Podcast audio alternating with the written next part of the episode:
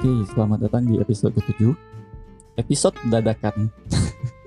Ya kenapa dadakan? Karena uh, sekarang tanggal 28 April 2020 Dan dua hari lagi tanggal 30 uh, Akan ada seminar proposal salah satu mahasiswa yang dilaksanakan secara online.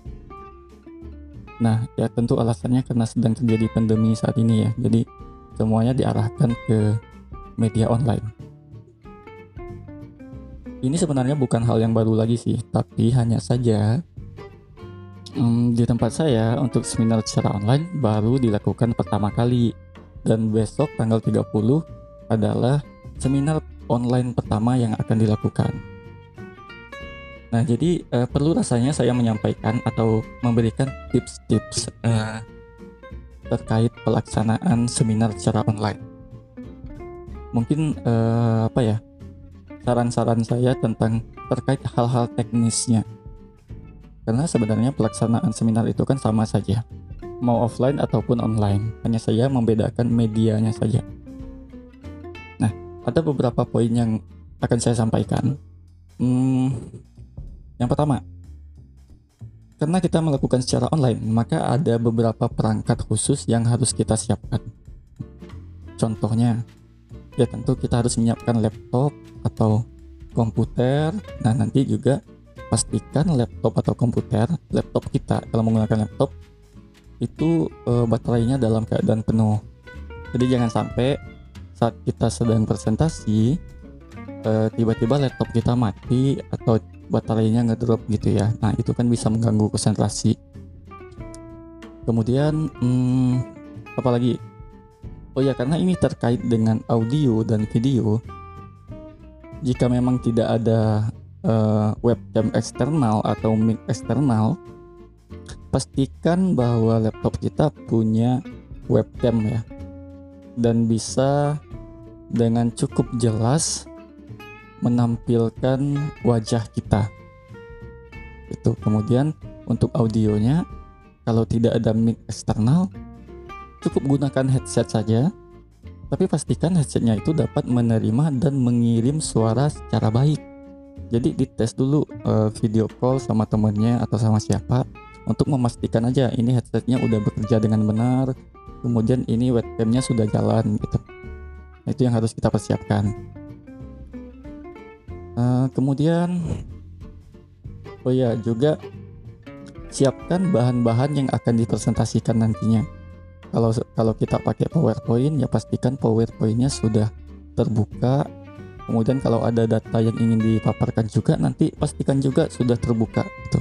Jadi saat diminta untuk memaparkan datanya atau memperlihatkan datanya kita sudah siap.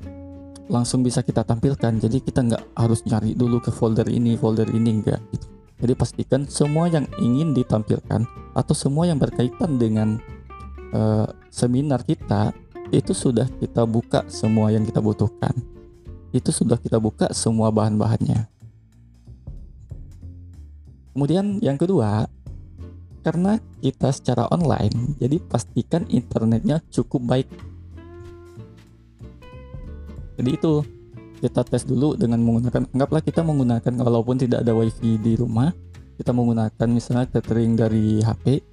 Jadi pastikan koneksinya cukup baik. Jadi kita kalau memang koneksi di tempat kita nggak baik, kita bisa cari tempat yang lain dulu, di mana kira-kira koneksinya bakalan baik. Kemudian juga kalau pakai HP, kan kita tethering tuh. Biasanya kan kalau ada telepon masuk, nah itu kan koneksi internetnya akan terputus sementara. Nah jadi pastikan juga jangan sampai saat kita presentasi HP yang kita gunakan sebagai sumber internet itu uh, ada telepon masuk atau ada gangguan lah gitu. Jadi kalau bisa salah satu tipsnya kita bisa lock jaringan kita ke 4G. Nanti kan kalau udah di lock ke 4G kan nggak ada telepon atau SMS yang bakalan masuk. Jadi harapannya tidak ada gangguan saat kita melakukan uh, presentasi gitu. Nah, yang ketiga uh, karena apa ya untuk di lingkungan saya itu hal yang baru Jadi pastikan kita menguasai media yang kita gunakan. Maksudnya seperti ini. Ada beberapa platform yang bisa digunakan untuk melakukan seminar secara online kayak Google Meet, Webex, Zoom atau Microsoft Teams. Nah, kebetulan di tempat saya menggunakan aplikasi Microsoft Teams. Jadi, kita harus menguasai bagaimana menggunakan Microsoft Teams. Contohnya, gimana sih kita menampilkan presentasi di aplikasi Microsoft Teams?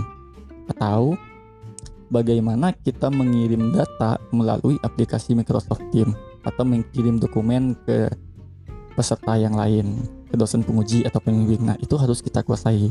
Jadi nanti misalnya diminta coba uh, kirimkan data mentahnya ke saya salah satu pengujinya ngomong gitu. Nah kita nggak bingung lagi. Nah ini kirimnya gimana gitu kan.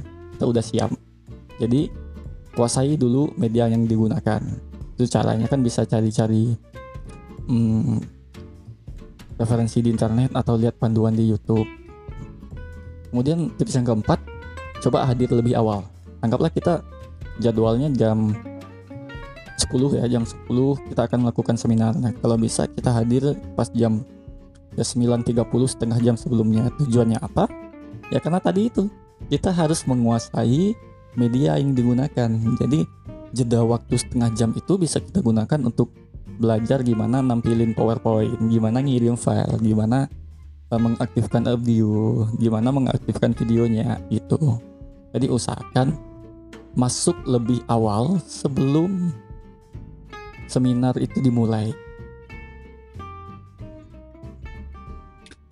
Juga uh, tips yang keberapa ini? Saya lupa. 1 2 3 4 5 ya pastikan suasana uh, atau lokasi kita seminar itu kondusif dalam artian jangan sampai ada suara-suara aneh yang mengganggu atau kita lagi seminar kemudian ada keluarga kita adik kita atau orang tua kita yang tiba-tiba nongol di belakang nah itu kan bisa mengganggu konsentrasi jadi pastikan kita melaksanakan seminar itu di ruangan yang cukup kondusif atau tertutup. Kalau di kamar, tutup pintu kamarnya, kemudian jendelanya ditutup biar nggak ada suara dari luar yang masuk.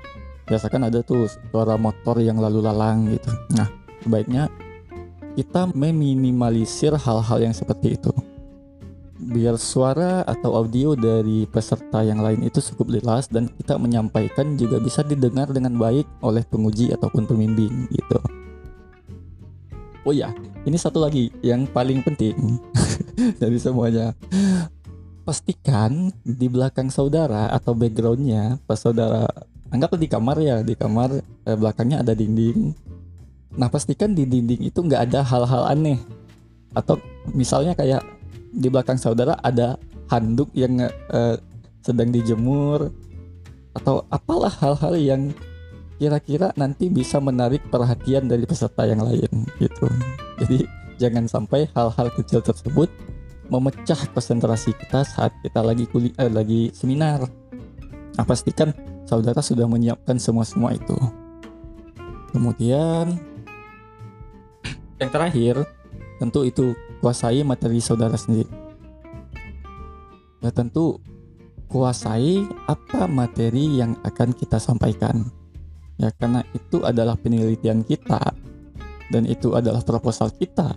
Jadi tentu kita harus tahu apa yang sedang kita kerjakan. Nah itu sangat-sangat penting ya. Jadi kuasai materi yang akan kita paparkan dulu.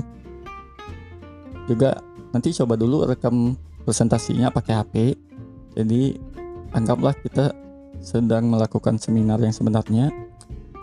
Kita rekam kemudian kita tonton. Nah di sana kita bisa lihat apa sih kekurangannya kita saat menyampaikan materi gitu. Kemudian kekurangan-kekurangan tersebut dicatat kemudian dicoba lagi merekam presentasinya. Nah lakukan hal tersebut terus sampai kita rasa-rasanya sudah siap atau ya setidaknya sudah pede lah untuk memaparkan proposal kita kayaknya itu aja sih yang bisa saya sampaikan terkait dengan tips-tips uh, pelaksanaan seminar proposal secara online. Kalau ada yang ingin tanyakan atau ingin berdiskusi, silakan mention saya di Twitter atau di email yang sudah saya sertakan di deskripsi. Sampai jumpa di episode selanjutnya.